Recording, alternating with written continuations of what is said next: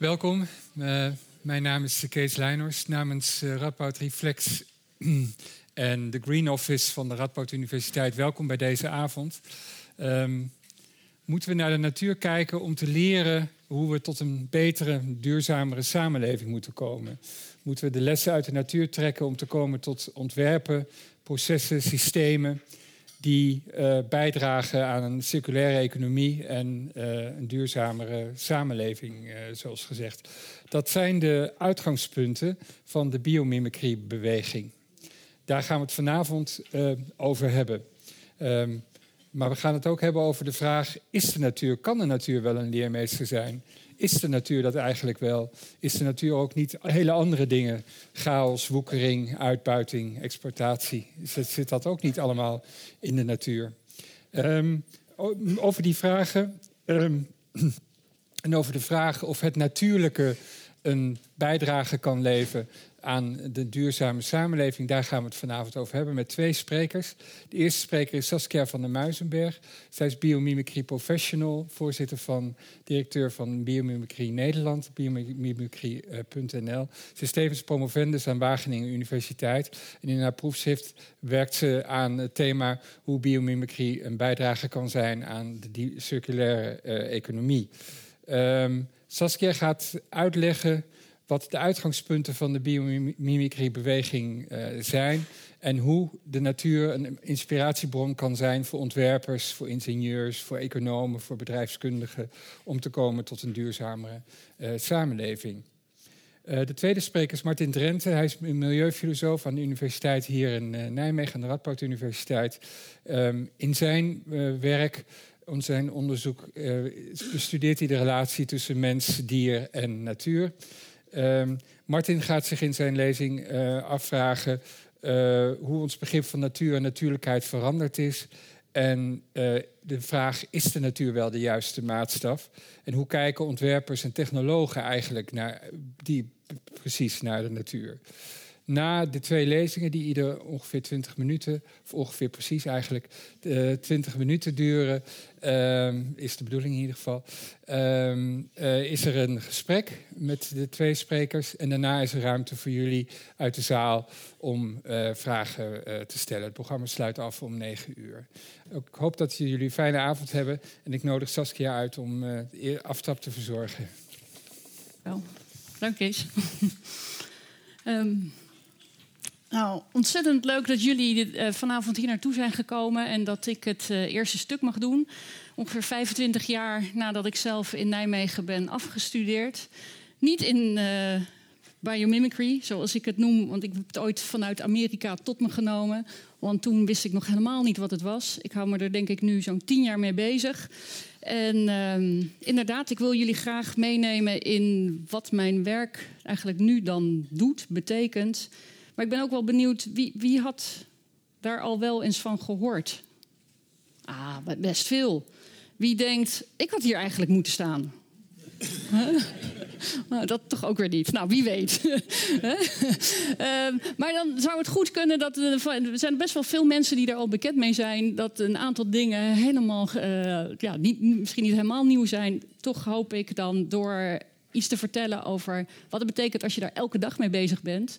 Wat, wat dat dan tot zich brengt. En misschien ook wel die dilemma's uh, waar we soms tegenaan lopen.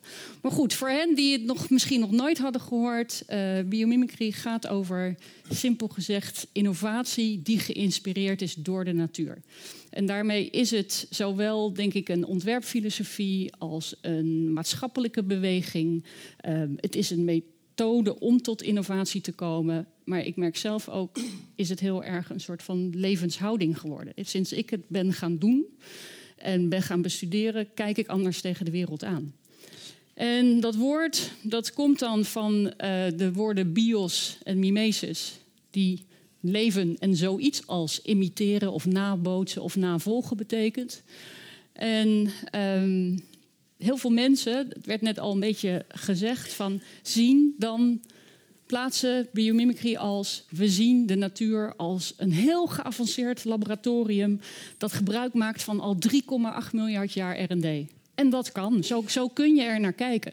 Je kunt al die organismen kun je beschouwen als de ultieme chemici en architecten en natuurkundigen en designers.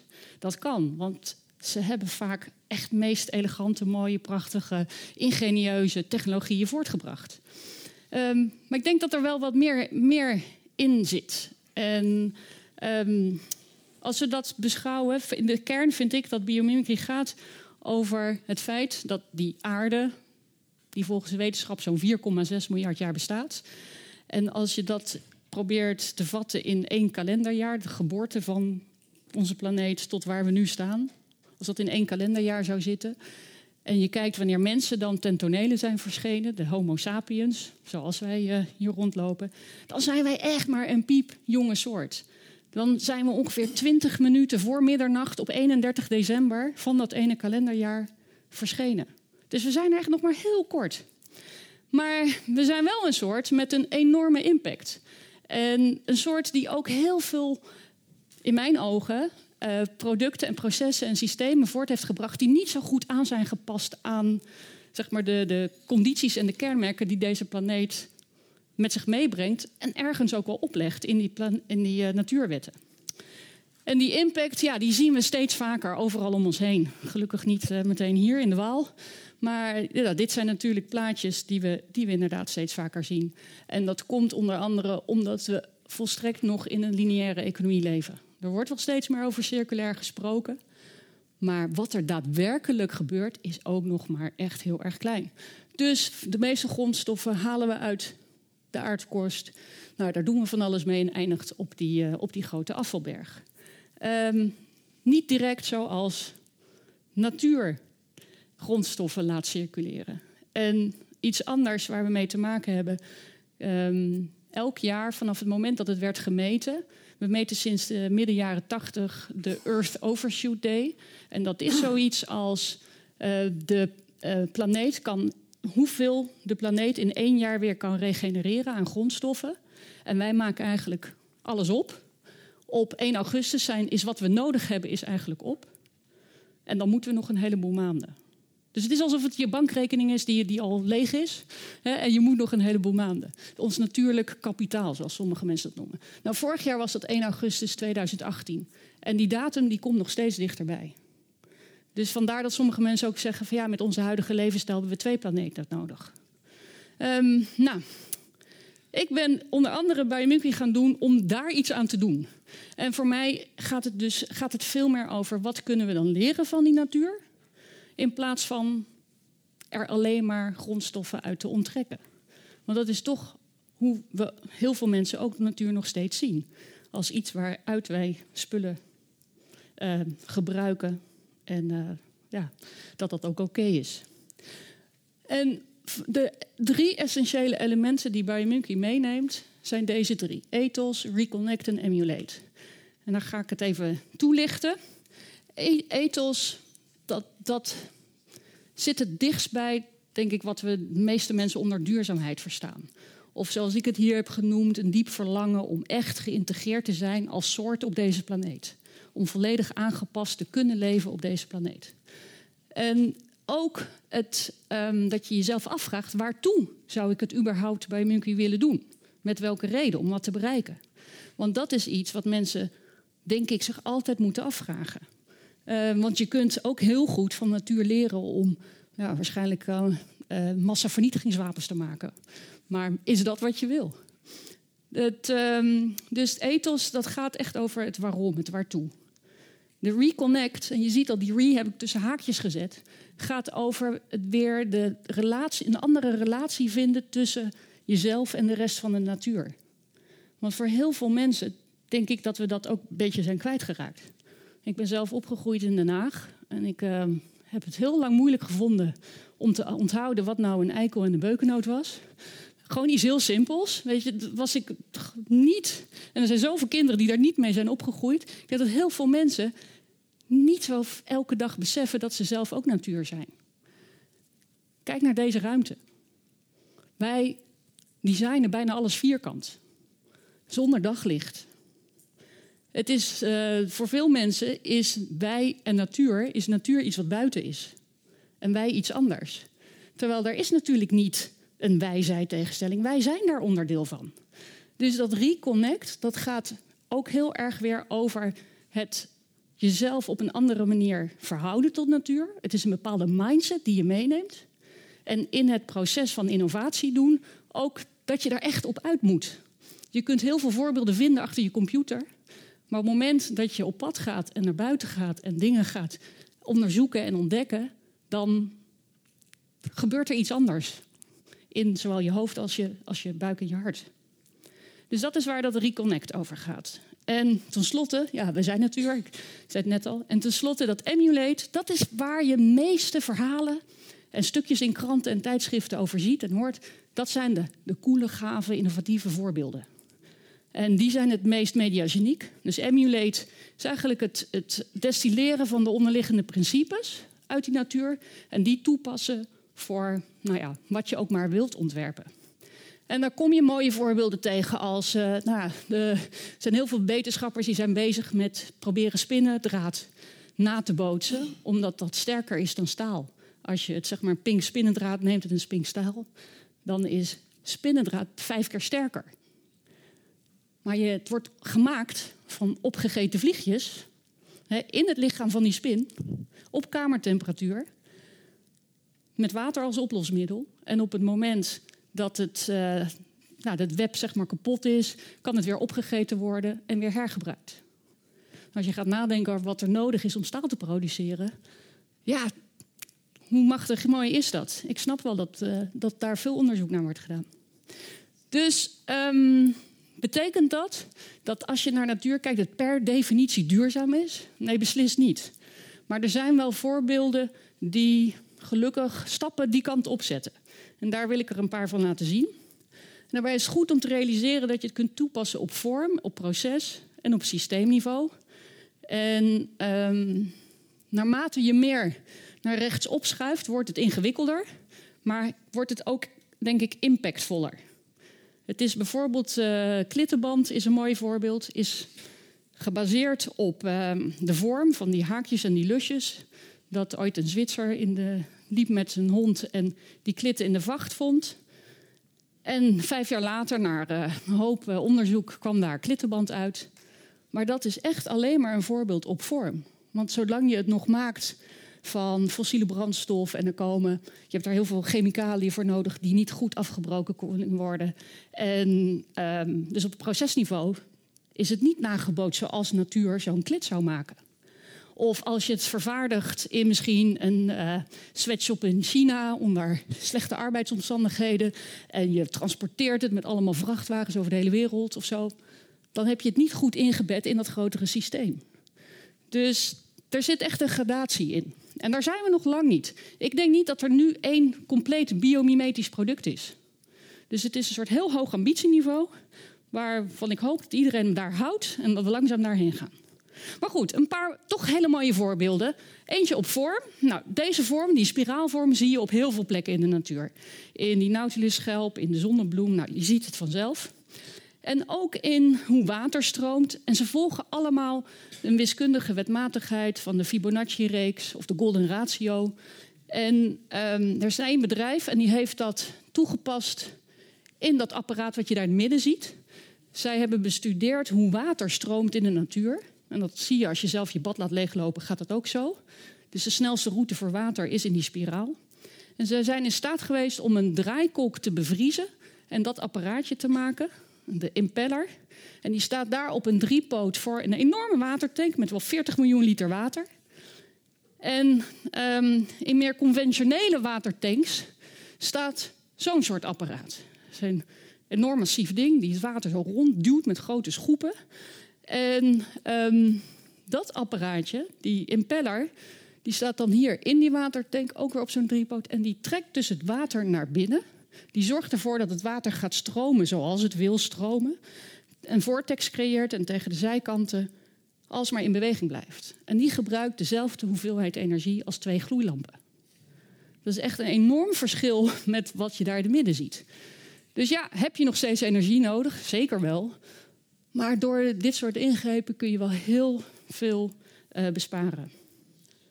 Um, wat we ook zien, in de natuur wordt heel veel gebouwd met hele sterke en toch lichtgewicht constructies. Dit is een dwarsdoorsnee van een vogelbordje. Een vogels moeten kunnen vliegen en impact weerstaan als ze ergens tegenaan botsen. Het kan ook niet te zwaar zijn, want dan kom je niet van de grond.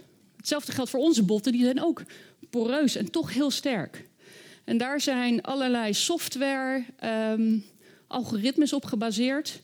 Dit is een, um, uh, deze is van, van Airbus. En die hebben nu in hun vliegtuigen die compartimenten, scheidingen tussen de, zeg maar, de business class en de rest. Uh, hebben ze daarop gebaseerd, zodat je minder materiaal nodig hebt en het niet meer helemaal massief moet zijn. Want we hebben heel lang gedacht van om iets sterk te maken moet het massief zijn.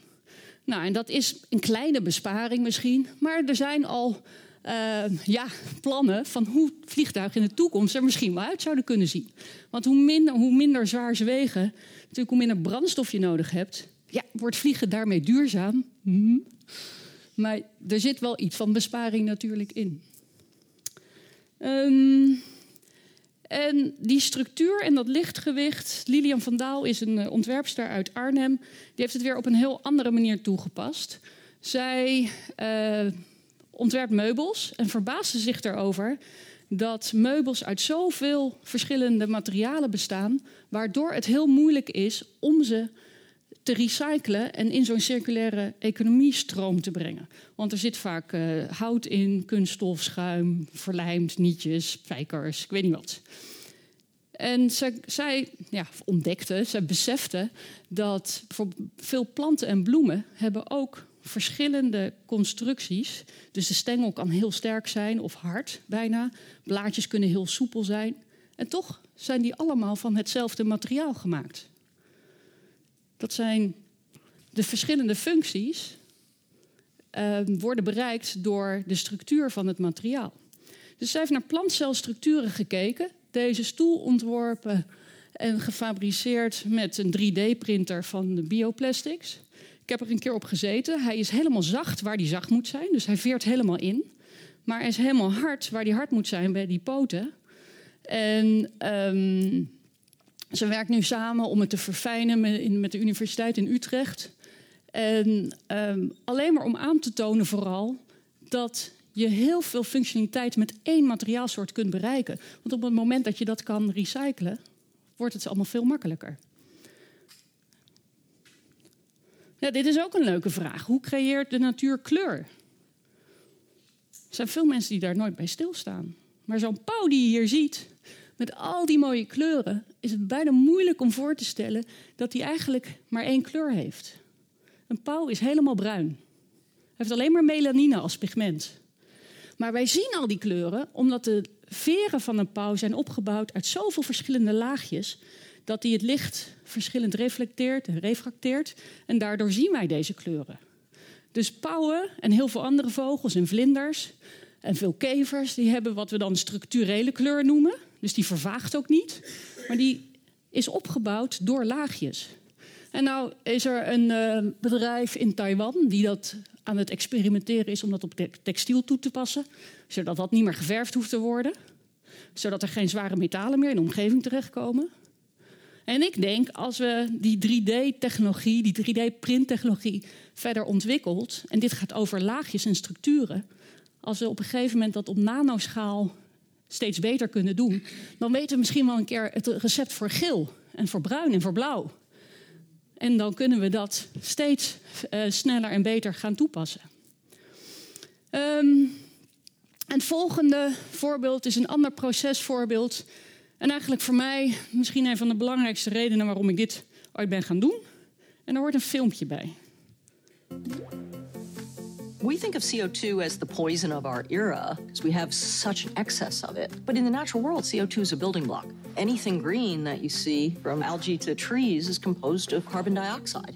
And anything hard in the ocean, like coral reefs or shells, they're made from dissolved CO2. Concrete which is our largest building material, releases a ton of CO2 for every ton of concrete. 6 to 8% of all CO2 emissions are concrete. With coral reefs, it's the opposite. CO2 is sequestered in the reef. So there's a company called Calera that was started by a coral researcher.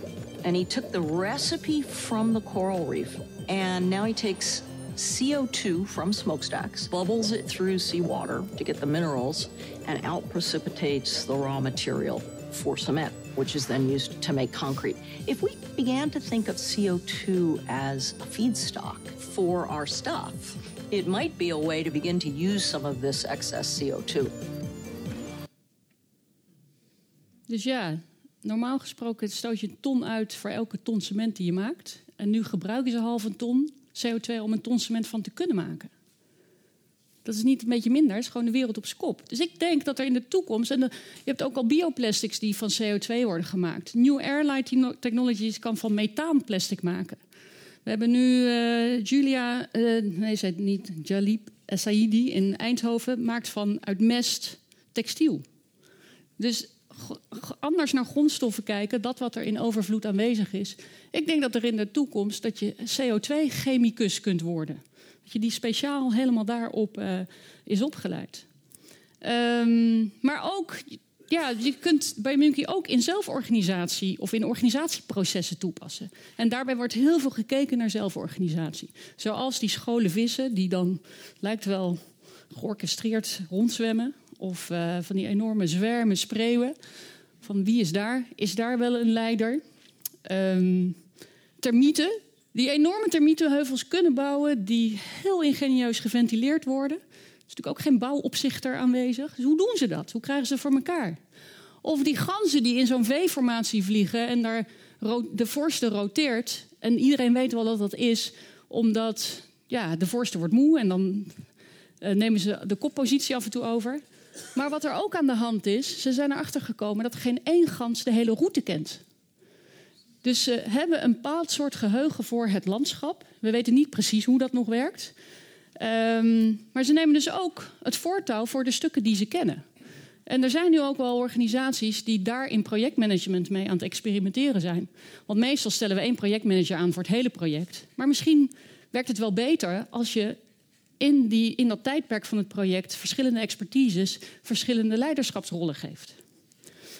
Um, en dit is ook, een, vind ik, een grappig filmpje. Heel oud. De allereerste camera misschien van een mobiele telefoon opgenomen. En kijk even goed wat er gebeurt. Kan nog net, hè? um, er staat daar een auto, dubbel gepakt. Ja, dit is in Amsterdam. Waar anders?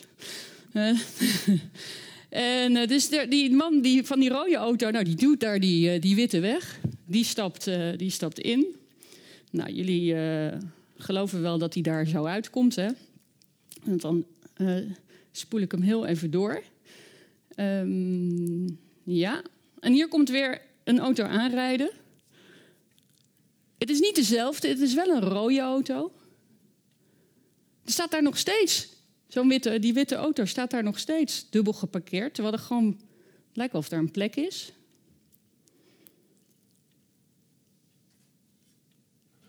En er komen nu twee mannen uit, van die hoodies op. Die lopen meteen heel erg gedecideerd naar die auto toe. En beginnen hem weg te duwen. Wat is hier nou aan de hand? Deze, deze straat heeft een permanent uh, parkeerschaarste. Een probleem om te kunnen parkeren. En de bewoners daar hebben met elkaar afgesproken: je mag dubbel parkeren, maar zet je auto niet op de handrem. Dus daardoor, weet je, dan duwen ze hem weg en dan is er altijd wel weer een, een, zo creëren ze gewoon meer parkeerplaatsen. En ik vind het een heel mooi voorbeeld van zelforganisatie. Want als je, ik heb wel eens met studenten hebben gevraagd van hoe zou je zo'n probleem oplossen? En dan komen allemaal ingewikkelde regels. Dan komen allemaal van ja, de mensen op de even nummers mogen dan op dat tijdstip. Of we doen een hele website en dan kun je reserveren. En dan, maar dit is, die simpele regels, is vaak hoe het in de natuur werkt. Een paar simpele regels die je op individueel niveau toepast, die als geheel een complex dynamisch systeem maken en doordat het directe feedback is. Dus uh, nou, er zijn heel veel voorbeelden van. Ik skip deze heel even, want ik wil nog één uh, systeemvoorbeeld laten zien. Nou, dit is ook niet zo'n spannende. um, maar van misschien een bedrijf wat al het langst bezig is met biomimicry. En uh, dan stop ik, ja? Goed. En dat is Interface. Interface maakt tapijttegels. Het is de oude Heuga tapijttegels en de bedenkers van tapijttegels. Klinkt niet heel sexy, maar die zijn heel ver in het verduurzamen van hun bedrijf, want ze waren volledig op fossiel. Zij hebben gekeken naar hoe ontwerpt de, vloer, de natuur een vloer. En kwamen daarachter van ja, dat is allemaal een beetje random design. Een tapijttegel hoeft niet per se helemaal hetzelfde te zijn. En daardoor was het veel makkelijker om ze snel neer te leggen. Hadden ze geen, uh, veel minder snijafval, minder productiefouten, want het mocht toch allemaal anders zijn. En dat hielp hun heel erg ook weer met het recyclen ervan. Nou, een volgende stap die ze deden om de lijm uit tapijttegels te krijgen om ze aan de vloer te verlijmen, hebben ze naar gekko's gekeken, hoe, je, hoe vastkleven. Um, maar wat echt, wanneer het echt interessant wordt, is dat ze ook zijn gaan kijken van, ja, wat is er nou in overvloed voorradig?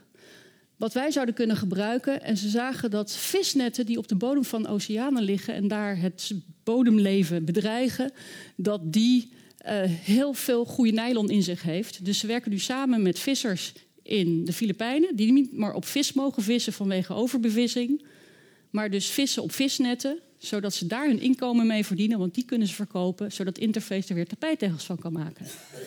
En het laatste Apollo-project wat ze nu aan het doen zijn, en dat is dan denk ik de afsluiter en voor mij soort het ambitieniveau waarvan ik hoop dat iedereen die ooit met biomimicry aan de slag gaat, mee gaat nemen. En dat, dat is uh, het project wat ze noemen een, uh, nou, een factory as a forest. Wat ze hebben gedaan is op de productieplekken waar zij een fabriek hebben staan, hebben ze gemeten wat het oorspronkelijk ecosysteem aan diensten levert. Aan ecosysteemdiensten. En dan moet je denken aan hoeveel CO2 er wordt opgeslagen, hoeveel water, hoeveel biodiversiteit er wordt gesupport, um, hoeveel nutriënten rondgaan, noem maar op. Dat kan je allemaal meten. En zij willen dat die fabriek exact hetzelfde gaat doen als het oorspronkelijk natuurlijke ecosysteem van die plek. Dus naast dat ze tapijttegels maken, gaan ze ook schone lucht produceren, gaan ze ook water zuiveren en zo de leefomgeving bedienen. Nou, in 2020 zullen ze helemaal uh, klimaatneutraal, CO2-neutraal zijn. En vanaf dan willen ze regeneratief worden, dat ze iets gaan toevoegen. En zo eigenlijk de rest van de natuur nabootsen, echt werken als natuur, namelijk als iets wat steeds condities voor het leven verbetert en bevordert. En ik denk als iedereen dat zou omarmen, dat het dan de goede kant op zou kunnen gaan. Zover zijn we nog lang niet, maar ik denk dat ik het voor nu hierbij laat. En uh, dan uh, tot dadelijk weer. Dankjewel.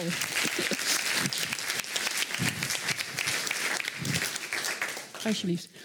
Maar we moeten even de.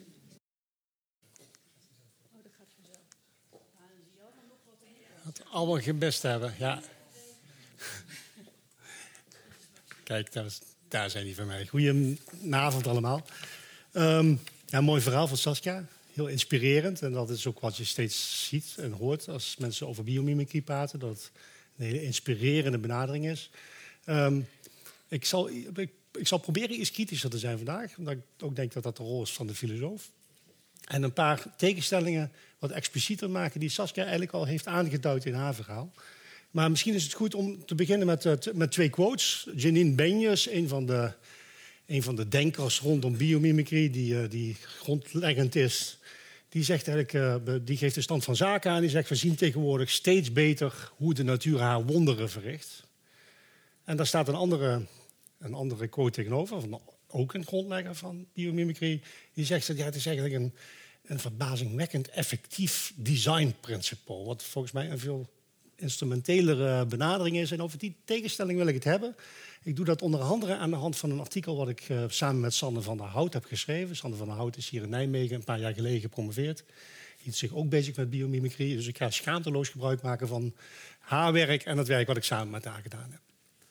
Misschien voor het, voor het perspectief is het goed om, om, om even een stap terug te doen en te zeggen: ja, wat, wat is techniek eigenlijk en wat is moderne techniek eigenlijk?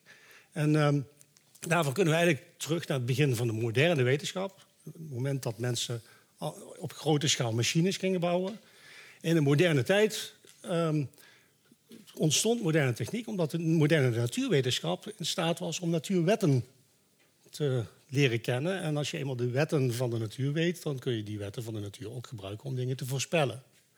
Als je dingen kan voorspellen, kun je ze ook manipuleren. En dan kun je, als je slim bent, apparaten maken die precies doen wat, wat jij wilt dat ze doen.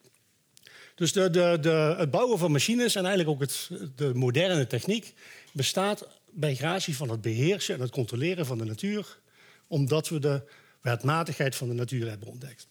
Nou, dit beeld, het beeld van Charlie Chaplin, Modern Times, drukt dat misschien ook wel uit van ja, we, we beheersen de natuur, maar ergens begint er ook iets te knellen. En in de, een van de eerste denkers van de moderne tijd, uh, Francis Bacon, die drukt het nog veel krachtiger uit. Die zegt, deze kennis is macht. En daar bedoelde hij twee dingen mee. Hij zei, als je kennis van de natuur hebt, dan heb je macht over de natuur. Hij bedoelde het ook andersom. Hij zei, als je kennis van de natuur wil krijgen, dan zul je macht over de natuur moeten uitoefenen door experimenten te doen en de natuur te dwingen haar, haar geheime prijs te geven, zoals hij dat zegt. Nou, tegenwoordig denken we Misschien iets anders over die moderne techniek. Uh, we zien ook dat die beheersing van de natuur zijn prijs heeft. En gepaard gaat met, met negatieve effecten. En eigenlijk is dat, uh, is dat ook de aanleiding geweest, zou ik zeggen, voor die nieuwe visie op techniek, waar biomimicry misschien een voorbeeld van is. Een, uh, een visie op een ecologische ethiek, die dan, die dan eigenlijk zegt, ja, we moeten niet de natuur beheersen, we moeten niet de natuur onderwerpen, zoals Francis Bacon nog zei. Maar we moeten proberen met de natuur samen te werken door dus niet tegen de natuur te werken, maar met de natuur te werken. En als we dan geluk hebben, dan werkt de natuur voor ons. Ecologische techniek. Nou, dat, dat gebeurt op veel plekken tegenwoordig. Soms onder de naam biomimicry, maar ook onder andere uh, vanuit een andere benadering. Een van de voorbeelden die ik zelf uh, tamelijk goed ken, omdat ze hier in Nijmegen plaatsvinden, is bijvoorbeeld het, het onderzoek naar de manier waarop uh, genen werken. Het genomics onderzoek, waar je kunt zien van hoe, hoe hoe werkt op genetisch niveau uh, uh, de diversiteit van bodemleven bijvoorbeeld in het regenereren van de vruchtbaarheid van bodem. En um, wat je daar ziet is dat mensen, mensen die dit soort, dit soort techniek proberen te ontwikkelen, ecologische technieken waar je probeert te leren van de natuur, dat ze daar een, een taal voor gebruiken die, die, die wat mij betreft denken geeft. Dat is namelijk de taal dat de natuur als een soort schat in zich bergt, die we kunnen leren leren kennen. Een verborgen schat in de natuur, waardevolle goederen die het proces van de evolutie heeft voortgebracht, die we kunnen gebruiken. Een, een, een, wealth of products to be discovered in nature. Dat, een beetje hoorden we dat ook in het verhaal van, van Saskia en de voorbeelden die je net noemde. Van er is zoveel te ontdekken waar we ons voordeel mee kunnen doen. Um, nou ja, um, dat idee van de natuur als een soort schat die we kunnen ontdekken en die we kunnen graven, is, is, is een, een thema wat je heel vaak terug hoort op het moment dat mensen de belofte hebben van die nieuwe techniek. Uh, het ontketenen van deze verborgen schatten zal een enorm potentieel creëren voor toepassing op het gebied van duurzame chemie, alternatieve energie, bioraffinaderijen en bioconstructiematerialen volgens een van de uh, uh, encyclopedieartikelen die beschrijft waar het, uh, waar het in die moderne technologie om gaat. In Nijmegen doen we veel van dat ecologische onderzoek naar de diversiteit van het leven en wat dat doet. dit is Mike Jette, een collega van me bij de Beta-faculteit, die onderzoek doet naar de zogenaamde Amanox bacteriën. Een bacterie die, die uh, methaan kan omzetten zonder dat er zuurstof bij komt kijken. Iets wat lange tijd gedacht werd dat dat onmogelijk was chemisch. Maar er blijkt een organisme te zijn die dat kan. En die wordt nu gebruikt om uh, waterzuiveringsinstallaties efficiënter te maken. Hartstikke mooi, heb je minder gifstoffen nodig en dergelijke. Typisch leren van de natuur.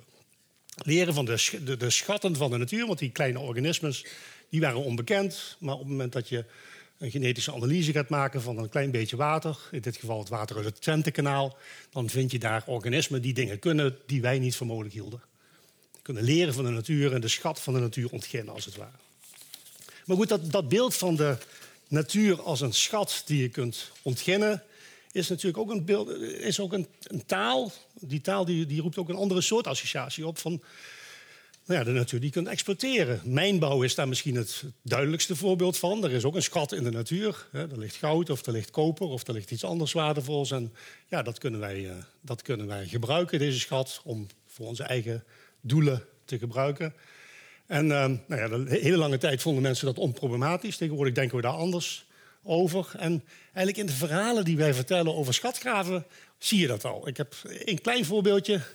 Raiders of the Lost Ark. Die film kent u ongetwijfeld ook. Waar, je, waar een grote schat, waar, waar mensen achter een grote schat aanjagen. Onze grote held. Maar hij wordt, uh, wordt beconcurreerd door een groep naties die die schat ook willen. Omdat ze denken dat ze daar heel veel machtig van kunnen worden. En, en ik zou zeggen, de, de, de morele boodschap van dit verhaal over schatgraven... maar heel veel van die verhalen over schatgraven die zegt eigenlijk ook van nou, pas op, pas op met jezelf te beloven dat een schat jou verder zal brengen. Want, want dat najagen van een schat, dat kan je ook verblinden. Uh, als je, uh, en, en te, wanneer je te prooi valt aan egoïstische motieven.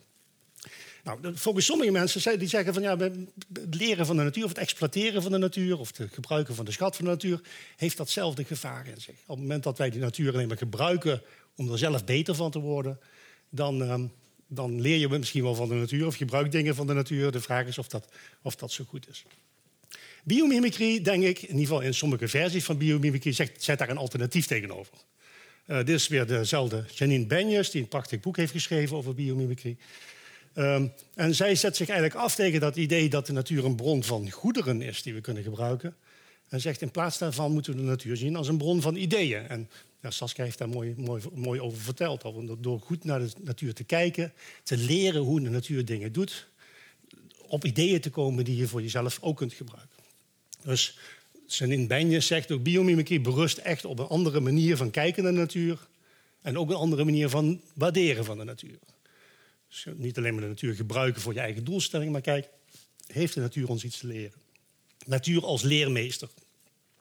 Nou ja, dat is een, een, een mooi alternatief verhaal. Hè? Dat niet de natuur als een schat die wij als schatjagers moeten exploiteren, maar uh, wij gaan in de leer bij de natuur om zelf. Uh, dat de natuur weet dingen die wij niet weten en daar kunnen we ons voordeel mee doen. Maar wat betekent dat, leren van de natuur? Nou, we hebben een paar voorbeelden gezien. Dit zijn twee andere voorbeelden. Je kunt, je kunt de, de, de, de, de wieken van een, van een windmolen efficiënter maken door te kijken naar de vorm van de flippers van een, van een walvis.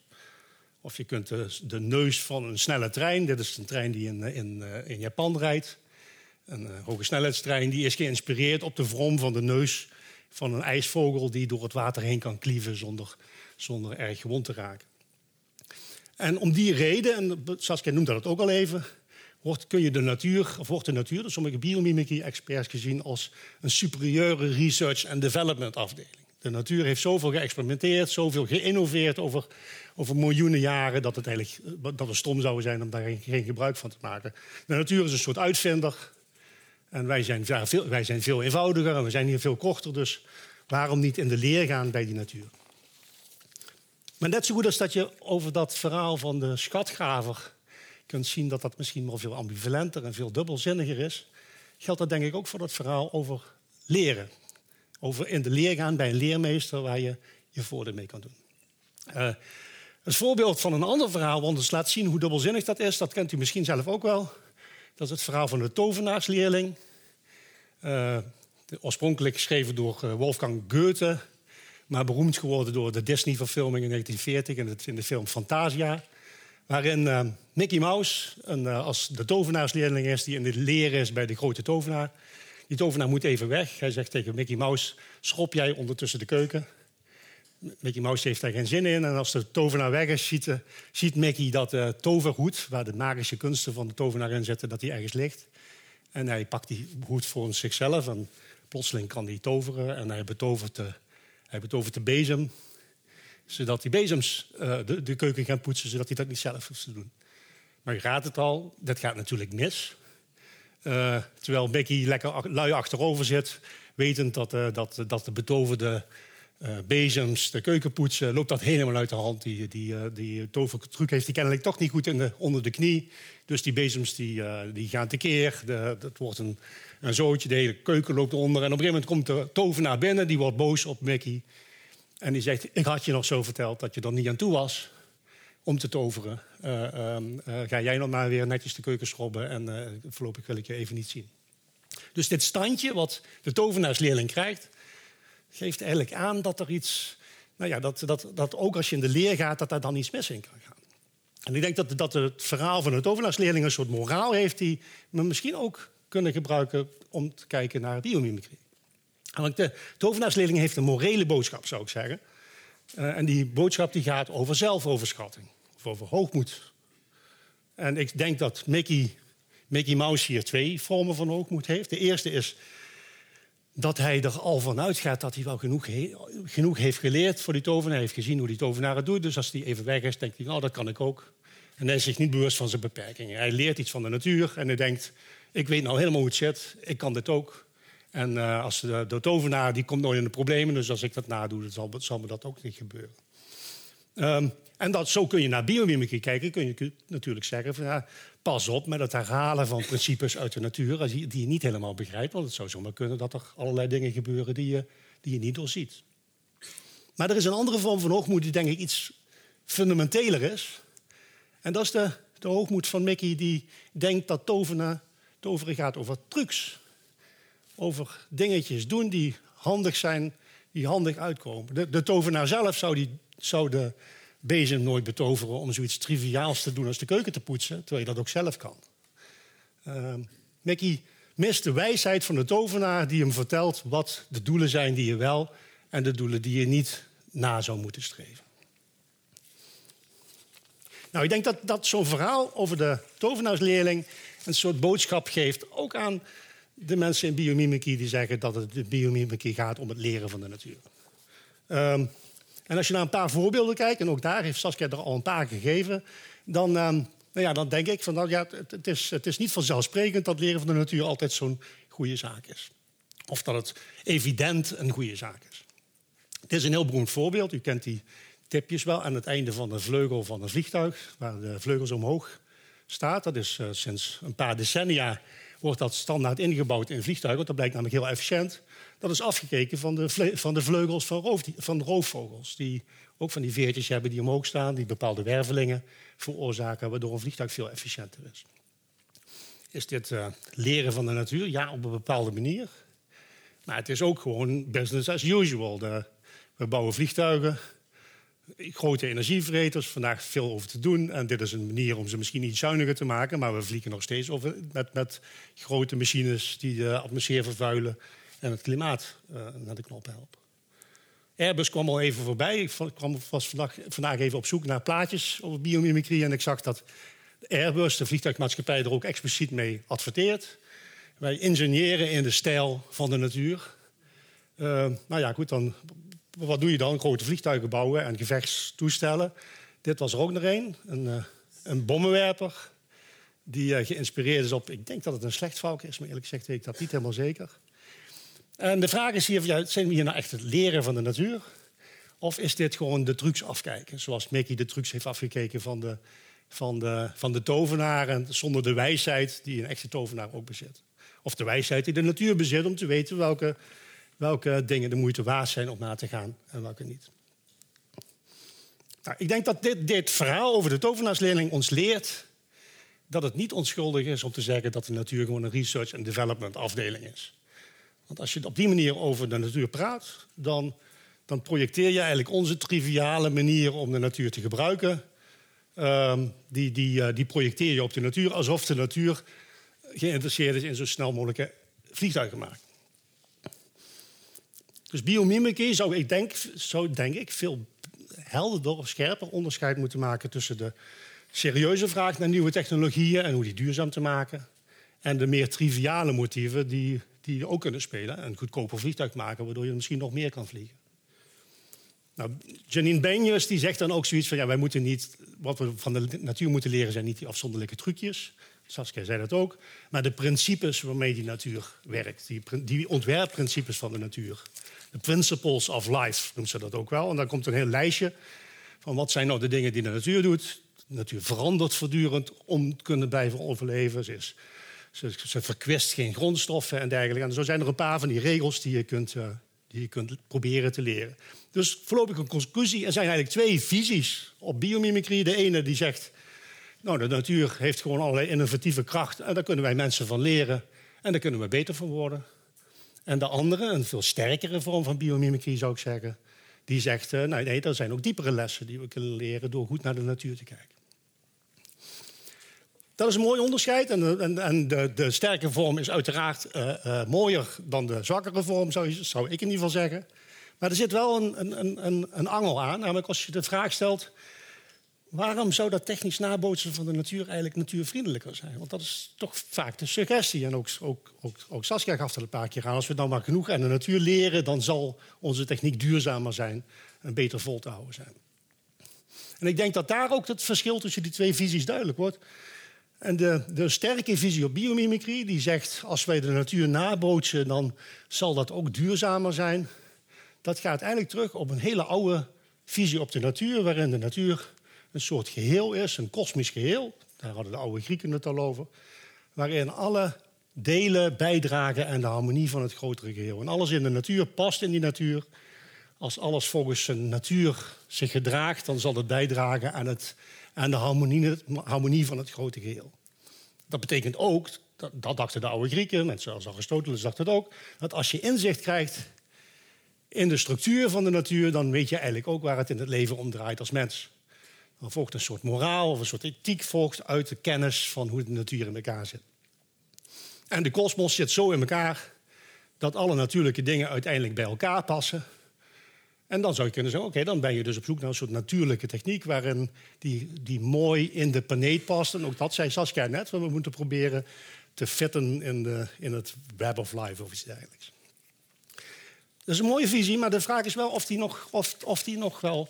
Uh, of, of die zo makkelijk vol te houden valt. Want als je nou kijkt naar het moderne natuurbeeld van de moderne wetenschap... Die zegt eigenlijk helemaal niet dat alles een kosmische harmonie is, waar alles, in, uh, alles bij elkaar past en alles bijdraagt aan het grotere geheel. Nee, in het moderne denken zien we de natuur als een neutraal geheel van feitelijke dingen. En sommige daarvan die passen in, een, in, in wat je een harmonie zou kunnen noemen. Maar rampen en epidemieën en evolutionaire omwentelingen en catastrofes horen net zo goed bij de natuur dan de harmonie en de geleidelijke verandering en de samenwerking. En ook concurrentie en oorlog en strijd is net zozeer deel van de natuur als harmonie en vrede en samenwerking. En vanuit die visie kun je zeggen van, nou ja, we kunnen wel leren van de natuur, maar het is aan ons, aan ons mensen om te bepalen wat we van de natuur leren, of we van de natuur leren en hoe we van de natuur leren. Dus daar heb je eigenlijk een hele contrasterende visie. En ik denk dat dat zijn diezelfde twee visies waar ik het net over had. De zwakke vorm van biomimicry die zegt...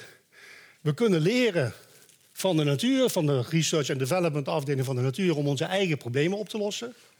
Maar de natuur zegt ons niet welke, welke problemen wij zouden moeten oplossen. Of welke dingen, doelen wij zouden moeten nastreven. Dat moeten we zelf bepalen op basis van onze eigen oordeel. En daarnaast heb je de sterke vorm van biomimicry... die veel inspirerender is, maar misschien ook wel lastiger uh, te verantwoorden die zegt, nee, we moeten ook leren van de wijsheid van de natuur. En, um, en diepere lessen trekken over wat het betekent om in die natuur te passen. Maar goed, dat veronderstelt een visie op natuur, of een visie op een eh, levensbeschouwing zou je kunnen zeggen, of een wereldbeschouwing, die niet per se volgt uit het moderne maatschappelijke, wetenschappelijke wereldbeeld. Dat zegt dat alles neutraal is en het is aan ons om de boodschap van de natuur uh, te kiezen. Dit was mijn laatste dia, dus dat komt helemaal goed. Uh, dus ik zou zeggen, dit verschil tussen de twee, de sterke en de zwakke visie van biomimicry, uh, is een belangrijk punt waar over, veel over gesproken moet worden. En ik heb nogal met wat mensen van de biomimicry-beweging gesproken. En ik merk dat, um, dat deze verschillende betekenissen voortdurend door elkaar heen lopen. En dat sommige mensen zeggen dat ze het met elkaar eens zijn, maar dan hoor je de ene die zwakke visie verwoorden en de andere hoor je die sterke visie verwoorden. En ik denk dat er te veel op het spel staat om, uh, om daar zomaar aan voorbij te gaan. En uh, hier wil ik het laten voor.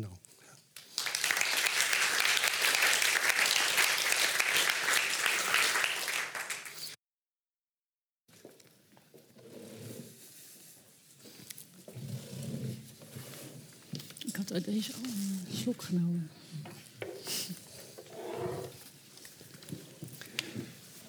Ja, dank jullie wel voor jullie uh, mooie uh, verhalen. Uh, misschien als eerste vraag van... kun je reageren op het punt van... Martin heeft veel punten gemaakt, maar op het punt van Martin, er is geen eenduidigheid in wat biomimicry is. Dus jij hebt een, hebt een, hebt, hebt een speciale visie, zeg maar, ver, ver, verwoord. Maar je vindt ook die zogenaamde, hij had het over sterke en zwakke variant. Ja. Wat vind jij van, van dat onderscheid? En, en sta je zelf aan de meer sterke kant of sta je meer aan de zwakke kant? Zeg maar? Tuurlijk sta ik aan de sterke kant. Ja. Wat een verrassing. Ja. uh, ik, ik, her, ik, herken het wel. Ik herken, uh, ik weet niet of je of sterk en zwak, of de, sommige mensen hebben het ook over oppervlakkig en diepgaand. En, maar inderdaad, ik denk dat er verschillende gradaties zijn. Uh, dat ook binnen die biomimicry-gemeenschap, daar zit ook nog. Het is ook niet altijd iedereen het met elkaar eens over wat is het nou wel en wat niet. Um, in het onderzoek wat ik zelf heb gedaan, zijn we er. We hebben een flink aantal uh, bedrijven geïnterviewd die dat toepassen. En dan, wat we vooral hebben gemerkt, is dat raamwerk wat jij liet zien met die Life Principles. De bedrijven die dat meenemen aan de voorkant voordat ze beginnen die komen tot veel duurzamere uh, uitkomsten dan de bedrijven die het alleen maar naar natuur hebben gekeken om iets van technologie te avanceren. En dat is, vind ik niet heel erg uh, verrassend. Maar je moet het wel, weet je, we hebben daar nu bewijs voor dat dat wel een groot verschil maakt. Hm. En de school die, uh, van Janine Benjes, die, haar organisatie heeft die Life Principles ontwikkeld. Um, dat biedt voor mij heel veel houvast om tot die diepere biomimicry te komen. En anders is het denk ik ja, voor mij alleen bio-inspiratie. Dus daar, ja, daar zie ik dan het verschil in. Ja, dus ik herken het zeker. Hoe zie je dat? Ja. Nou ja, de, um, ik denk dat het belangrijk is om het over dat verschil te hebben omdat juist, ik heb met een paar voorbeelden geprobeerd aan te geven. Van, uh, dat er zijn ook hele triviale manieren waarop de natuur als inspiratiebron wordt gebruikt om dingen te doen die eigenlijk uh, uh, ja, op geen enkele manier duurzaam zijn. En op het moment dat je op dat diepere niveau gaat kijken, ook echt niet, ook niet, niet analoog aan de natuur zouden zijn. Maar alleen maar, dus het is niet alleen maar oppervlakkig, maar dat wat oppervlakkig op de natuur lijkt, kan iets zijn wat, de, wat die algemene principes ondermijnt. Ja, zou um, kunnen. En um, nou ja, dat, dat, punt sneeuwt wel eens onder op het moment dat, dat, dat in, de, in laat zeggen, de, de, de enthousiasmerende voorbeelden van biomimicry, dan is het het lekkerst natuurlijk om hele concrete voorbeelden te zien van een, een vliegtuig wat veel efficiënter is geworden of een, of een productieproces wat veel efficiënter is geworden.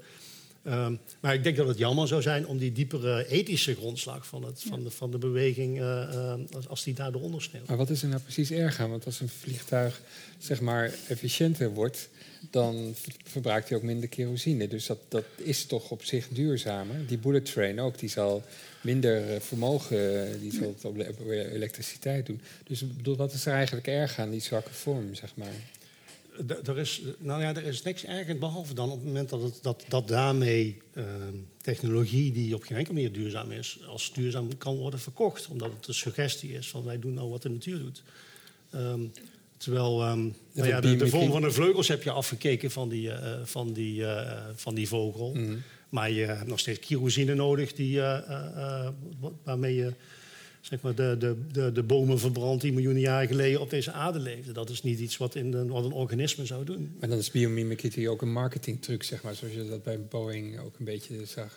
Is, nou ja, dat vrees ik een beetje. Dat, Um, nou, we hebben smakelijk zitten lachen om een voorbeeld.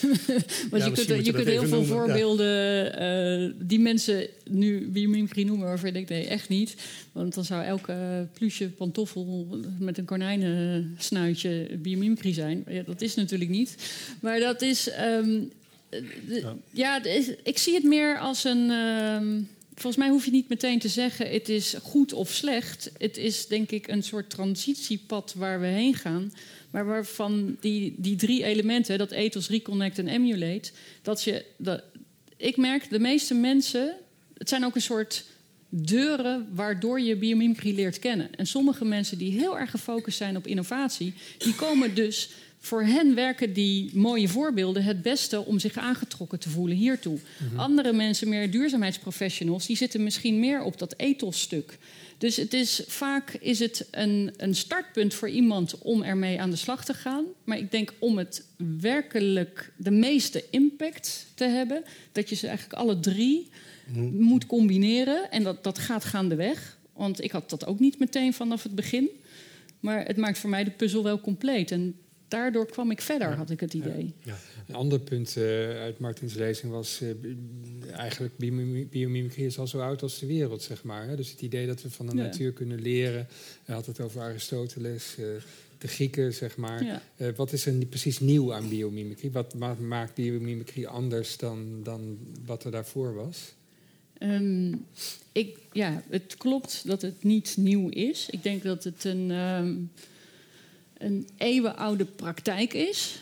Um, maar ook een door met name misschien de laatste honderd jaar of de industriële revolutie, dat we als mensen wel, de meeste mensen verder van die rest van de natuur af zijn komen te staan. Um, waardoor het nu, denk ik, in ieder geval in de academische wereld meer een discipline begint te worden die wat meer ingebed is. Waar, ja, maar ik denk met name als je ook naar heel veel inheemse volkeren kijkt, die, uh, die, doen niet, die deden of doen niet ja, anders. Precies. Dus dat, dat, het, wat dat betreft is het inderdaad niet nieuw. Ja. Nou, nou zijn er ook critici van biomimicrie die, die, uh, die juist zeggen dat is allemaal leuk en aardig op het moment dat je van de natuur kan leren. En de natuur zal vaak een intelligente oplossing hebben gevonden voor dit probleem. Maar uh, we moeten onszelf niet voor de gek houden dat soms kunstmatigheid de oplossing voor problemen zal zijn. Mm -hmm. um, dat in de landbouw uh, is mooi om naar biologische landbouw te streven, maar genetische modificatie en, en, en, en uh, um, voedsel verbouwen onder ledlampen in hoge flatgebouwen kan, kon wel eens een meer efficiënte manier zijn om voedsel te maken. En die zeggen dus eigenlijk, het, je loopt het gevaar jezelf voor de gek te houden door voortdurend te, te veronderstellen dat de natuur de beste oplossing heeft gevonden. Um, ik weet niet hoe geloofwaardig ik dat vind, maar ik ben wel benieuwd wat jij van ja, die kritiek vindt. Wat vind je van die kritiek? Ja, ik vind, ik vind dat. Uh, dat vind ik best een lastige vraag. Want ik ken, ik ken ook die, uh, die, die, nou, die voorbeelden van al die planten onder die ledlampen. En waarbij dan ook gezegd wordt, heb je veel minder water nodig. En dan kunnen we het jaar rond kunnen we, weet je, aardbeien produceren en zo. Um, ik denk, het is naast de vraag stellen wat zou de natuur doen, want dat is als wij aan het zeg maar, ontwerpen gaan, zijn we daarnaar op zoek, naar die functie, is het denk ik ook heel belangrijk om je af te vragen wat zou de natuur niet doen in die context, want het is altijd contextspecifiek. Um, en dan zou het heel goed kunnen zijn dat er een reden, of een reden is waarom uh, zeg maar de genetische modificatie tussen verschillende uh, kingdoms in de natuur, dat dat niet daar gebeurt. En ik, heb, ik vind dat we veel te weinig onderzoek doen als wij dat wel zouden doen naar de neveneffecten van wat daar dan wel gebeurt. Mm -hmm. Dus daar denk ik dat we, dat we inderdaad die hoogmoed daar zeker, zeker in zit. Mm -hmm. um, als je puur kijkt naar energieefficiëntie van die planten onder die ledlampen, ja, dan is dat misschien een betere oplossing. Maar dan kijk je naar één naar het maximaliseren van die ene functie en misschien niet naar het optimaliseren van het hele systeem. En ik denk dat dat een hele belangrijke, diepere les is die we uit natuur kunnen leren, die de natuur optimaliseert in plaats van maximaliseert op één functie. Mm -hmm. en, en, wat ja. zijn daarbij de belangrijkste uitdagingen? Ik bedoel, wat, wat, waar, waar, waar kom je de grootste hobbels tegen, zeg maar, om dat te gaan doen? Um, het is vast niet allemaal roze geur, maar... Nee, nee, nee, want die... Uh, maar ik, weet, ik vraag me af of dat dan zo biomimicry specifiek is... of meer de uitdagingen die elk, met name in innovatie, tegenkomt. Want dat voorbeeld van Pax met die impeller... Zij, uh, waar zij tegenaan liepen, is in eerste instantie... ze wilden die technologie in licentie uit gaan geven. Maar niemand geloofde de enorme energiebesparing... Dus toen zijn ze toch maar zelf gaan maken. Dat was het uh, eerste. Maar wat ook bleek, is dat uh, de mensen die dat apparaat verkopen. Voor hen is er niet zoveel incentive om die te verkopen tegenover een andere. Want die levert minder marge op of is duurder of noem maar op. Maar dat zijn meer, denk ik, valkuilen in innovatie en, en bedrijfskundige vraagstukken. Mm -hmm. um, ik denk dat in zijn algemeenheid we ook bijvoorbeeld, er wordt veel naar fotosynthese gekeken voor betere zonnepanelen. Dat we nog ook daar alleen maar kijken naar wat uh, de energieconversie kan zijn. Terwijl als je een boomblaadje neemt, ja, die doet veel meer dan alleen maar energie omzetten. En die is verbonden aan een boom, die onderdeel is van een veel groter systeem, van een watersysteem. En als een blaadje valt, heeft die ook nog weer een functie. Dus wij kijken ook niet naar het vertalen van die fotosynthese en die zonnepanelen naar ja, wat, wat, als, je, als je werkelijk de boomblad zou gaan eh, nabootsen, dan kan die veel meer. Dus we, we, we, ik denk dat we het nog maar heel beperkte toepassen. Mhm, En dat is, ja. Maar ik, ik ben ook al blij met dat wat we doen. Want het is een eerste stap. Mhm. Ik zie onszelf gewoon echt als eh, kleuters die nog een beetje aan het prutsen zijn. Mhm. Ehm, ik, wil, ik wil even terug naar, de, naar het natuurbeeld. Dat is ook een dia van, van, van jou, waar je zegt ehm, over, dat, over die wijsheid, dus over die tovenaarsleerling. ehm, en dat het om gaat de wijsheid van natuur. Dat is eigenlijk een oudere visie op natuur. Maar het gaat wel over hele moderne technieken, moderne technologie. Dus zit daar geen spanning tussen zeg maar, de toepassing en het natuurbeeld wat, er, wat, er, wat erachter zit? Ik bedoel, zie je daar geen spanning tussen? Nou ja, dat heb ik wel proberen aan te geven. Dat, die, Ja. dat, dat, dat het klassieke natuurbeeld is niet voor niks eh, verdwenen. Eh, eh, en dat was vol te houden in een redelijk uniforme samenleving. De Griekse stadstaat, waarin, waarin er inderdaad één visie op het goede leven bestond. Namelijk de visie van de, de, van, Elite. De, van, de, van de elite, van de, van de witte mannen van Athene. Eh, de slaven deden daar niet in mee, de vrouwen deden er niet mee. En over de barbaren hebben we het al niet eens. En, en dat, dat beeld begon al barsten te vertonen zodra die Griekse samenleving uiteen werd gezet met andere samenlevingen. Die andere visie hadden op hoe die, hoe die harmonie van de natuur dan moreel geordend was. En, ehm, nou ja, en dus die nieuw- nieuwe, die moderne, dat moderne natuurbeeld, dat zegt dat zijn allemaal mogelijkheden en het bestaat allemaal. Als het kan bestaan, dan zal het vroeg of laat bestaan. En er zit geen moraal in de natuur. Maar alles wat kan, dat zal vroeg of laat gebeuren. Eh, is, is ook een, eh, is ontstaan met goede redenen, zeg maar. Maar dat, dat, dat, dat, brengt ons nu wel in de problemen op het moment dat we in de, in de natuur zoeken naar een soort norm of een soort maat die ons kan vertellen wat, eh, hoe ons leven eruit moet zien. Mhm. Ehm, nou ja, de oplossing dan zou kunnen zijn dat je zegt, nou nee, wij kiezen ervoor om duurzaam te zijn. En als we daar eenmaal voor gekozen hebben, dan kunnen we al die dingen gebruiken die de natuur ons biedt. Maar als dan iemand anders zegt van ja, ik kies ervoor om een zo efficiënt mogelijke bommenjaar, bom, bommenwerper te ontwerpen. En eh, daar, daar kan de natuur mij ook leren hoe ik dat moet doen. Of uh, nou ja, je- vul maar in, je kunt verschrikkelijke dingen verzinnen die je zou willen doen. En ook daar kun je de natuur voor gebruiken. En dan, ehm, nou ja, dan, dan denk ik van. Bij biomimicry ging het over iets anders, maar het is nog best lastig om, om, om, om te onderbouwen eh, hoe dat dan zit. Anders dan dat het gewoon de zoveelste duurzaamheids. eh, eh, Ja. Dus hoe zie jij die spanning? Ehm, nou, ja, ik, ik denk, maar voor mijn, voor mijn gevoel geldt dat voor heel veel, ehm, eigenlijk ook technologie, dat hoe je, hoe je het aanwendt of hoe je het wil toepassen, dat zit ergens altijd in de gebruiker of degene die ermee aan de slag gaat. En ehm, daarom hoop ik inderdaad dat iedereen die biomimicry doet, in ieder geval ook dat, dat ethisch normbesef wat we als mensen hebben en waarvan ik overtuigd ben dat dat ook ons een evolutionair voordeel heeft meegegeven, dat we dat ten alle tijden daar, daarin integreren. Ehm, ik, eh, ik moest ook denken daarbij aan, ehm, want ik doe dan zelf inderdaad veel met, ook met die circulaire economie. Ik krijg dan ook wel eens bijvoorbeeld eh, eh, heb je zo'n lezing gedaan en dan krijg je een cadeautje mee. En dat is dan iets wat gerecycled is, maar volstrekt nutteloos. Waarvan ik niet wil weten hoeveel energie er is gebruikt om het te kunnen recyclen. Alleen maar om te laten zien, we hebben iets gerecycled. Weet je, dus dat hebben we met alle goede bedoelingen. Denk ik, omdat we nog die eerste stappen aan het maken zijn, kom je dat ook heel veel tegen. Dus ja, we, kun- we kunnen denk ik ook meteen met een zweep van, nou, dit is niet goed, dat is niet goed. Ik, eh, ik ja, denk, probeer te focussen op de, op de goede intentie en mensen te helpen om het dan een stap verder te krijgen.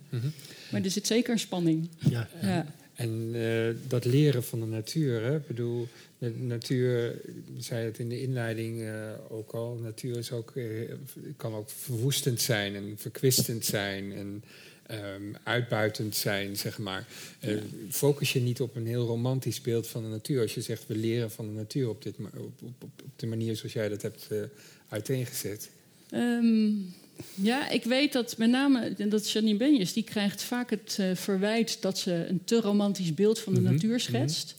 Ehm, en dat zit voor mij soms ook wel in het Amerikaanse taalgebruik. Dat kan nogal halleluja zijn soms. Hè? De, de nature's genius. En eh, ik denk dat wij Nederlanders zijn nog wat meer down to earth.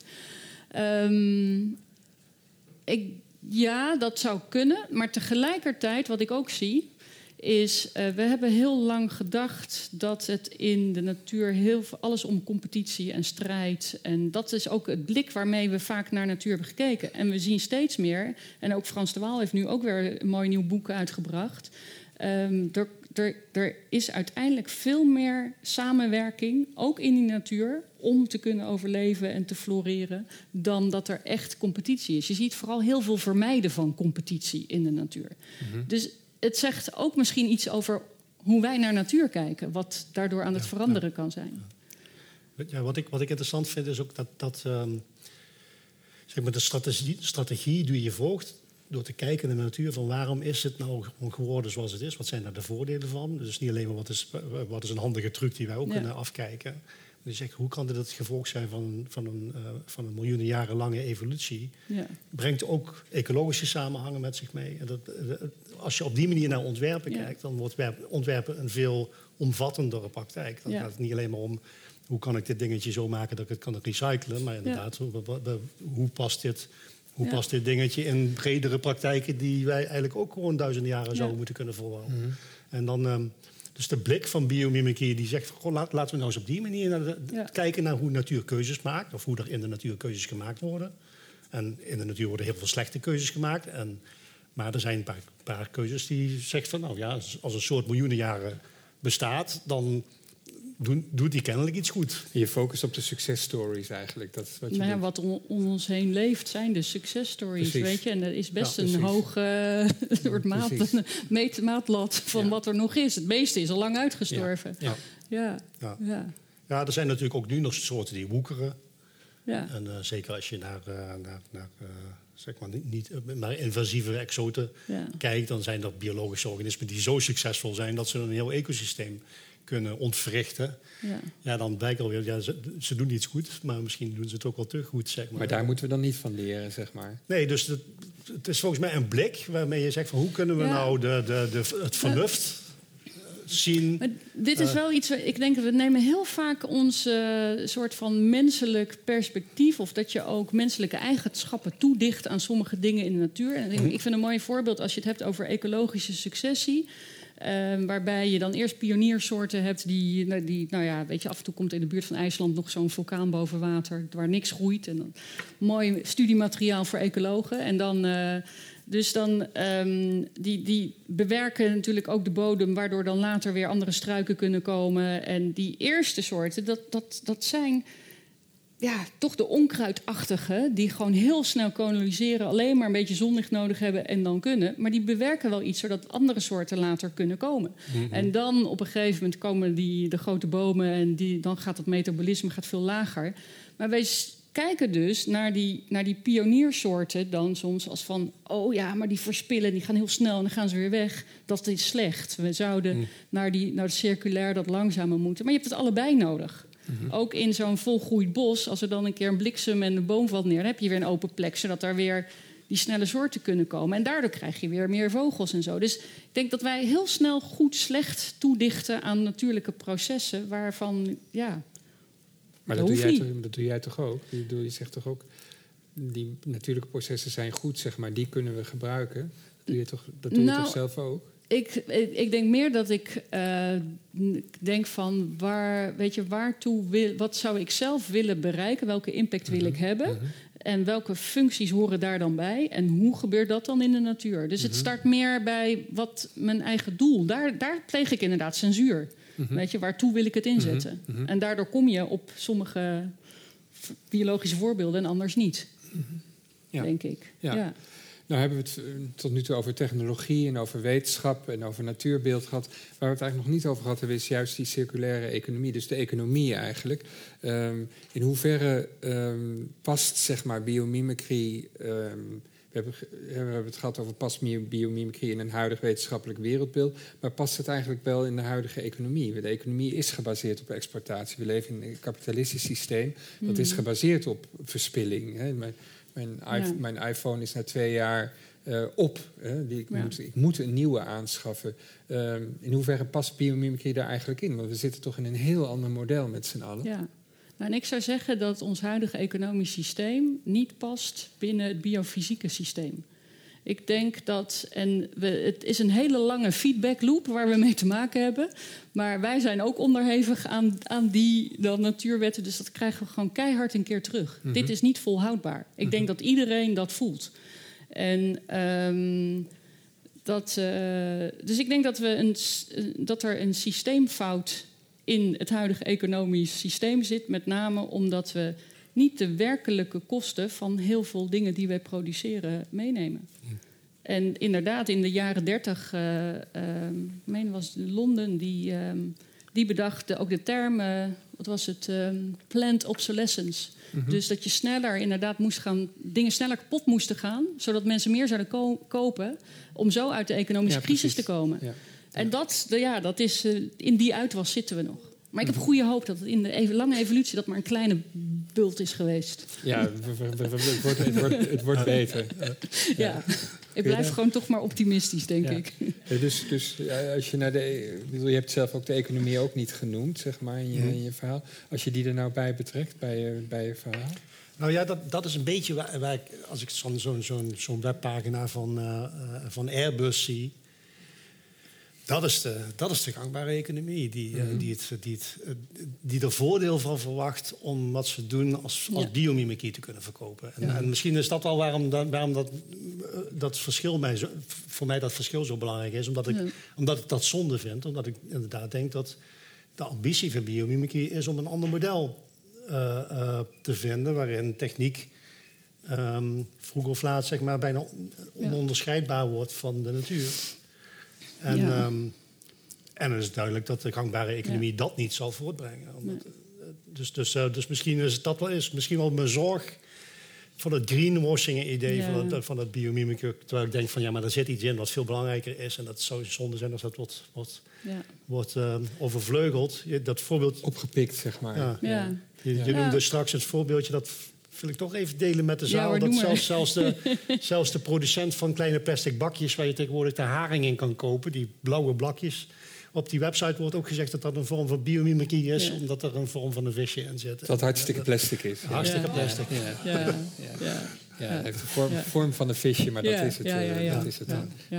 Ja, nou weet je, over, nog even over die. Ik denk, want circulaire economie kun je ook zien als dat dat. eh, nou, een van. eh eh, biomimicry is een van de grondleggers voor het gedachtegoed, in ieder geval vanuit die Ellen MacArthur Foundation over circulaire economie. Omdat natuurlijk in de natuur alles in kringlopen gaat. Maar wat wij mensen doen, wij proberen dan zo'n circulaire economie te designen. Terwijl in die natuurlijke kringlopen is dat een emergente eigenschap van allemaal individuele interacties. Waar, en dat, dat is zo ontstaan. Het is niet dat we hebben bedacht, weet je, we hebben circulair, dus iedereen moet het zo gaan doen.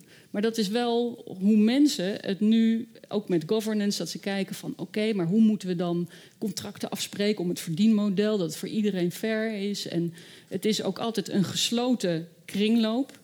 Ehm, als er één partij uitvalt, heb je eigenlijk weer een lijn. Weet je, dus we, we tekenen het wel in een rondje. Maar heel veel wezenlijks verandert toch niet. En als je ziet wat er in die natuur is, super opportunistisch. Overal kunnen weer nieuwe spelers inhaken op in dat systeem.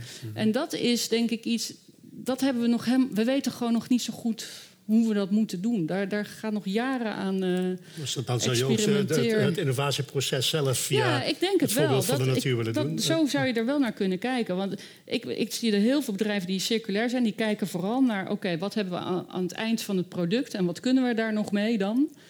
Zonder na te denken over... Er zit niet echt nog een samenwerking met die rest van die natuur in. Terwijl al die circulaire kringlopen in de natuur... gaan door al die verschillende koninkrijken van die verschillende organismen.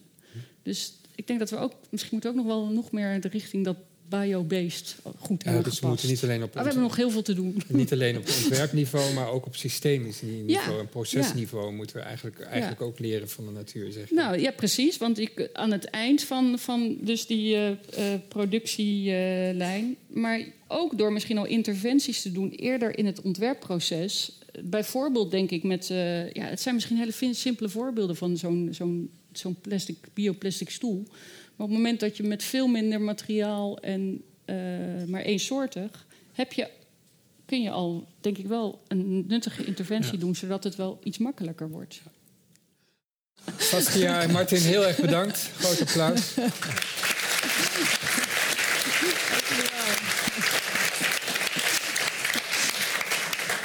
U bedankt voor uw komst en uw aandacht en uw vragen. En uh, namens Radboud Reflex en de Green Office, uh, tot ziens bij een volgende event. Dank u wel. Dank je wel.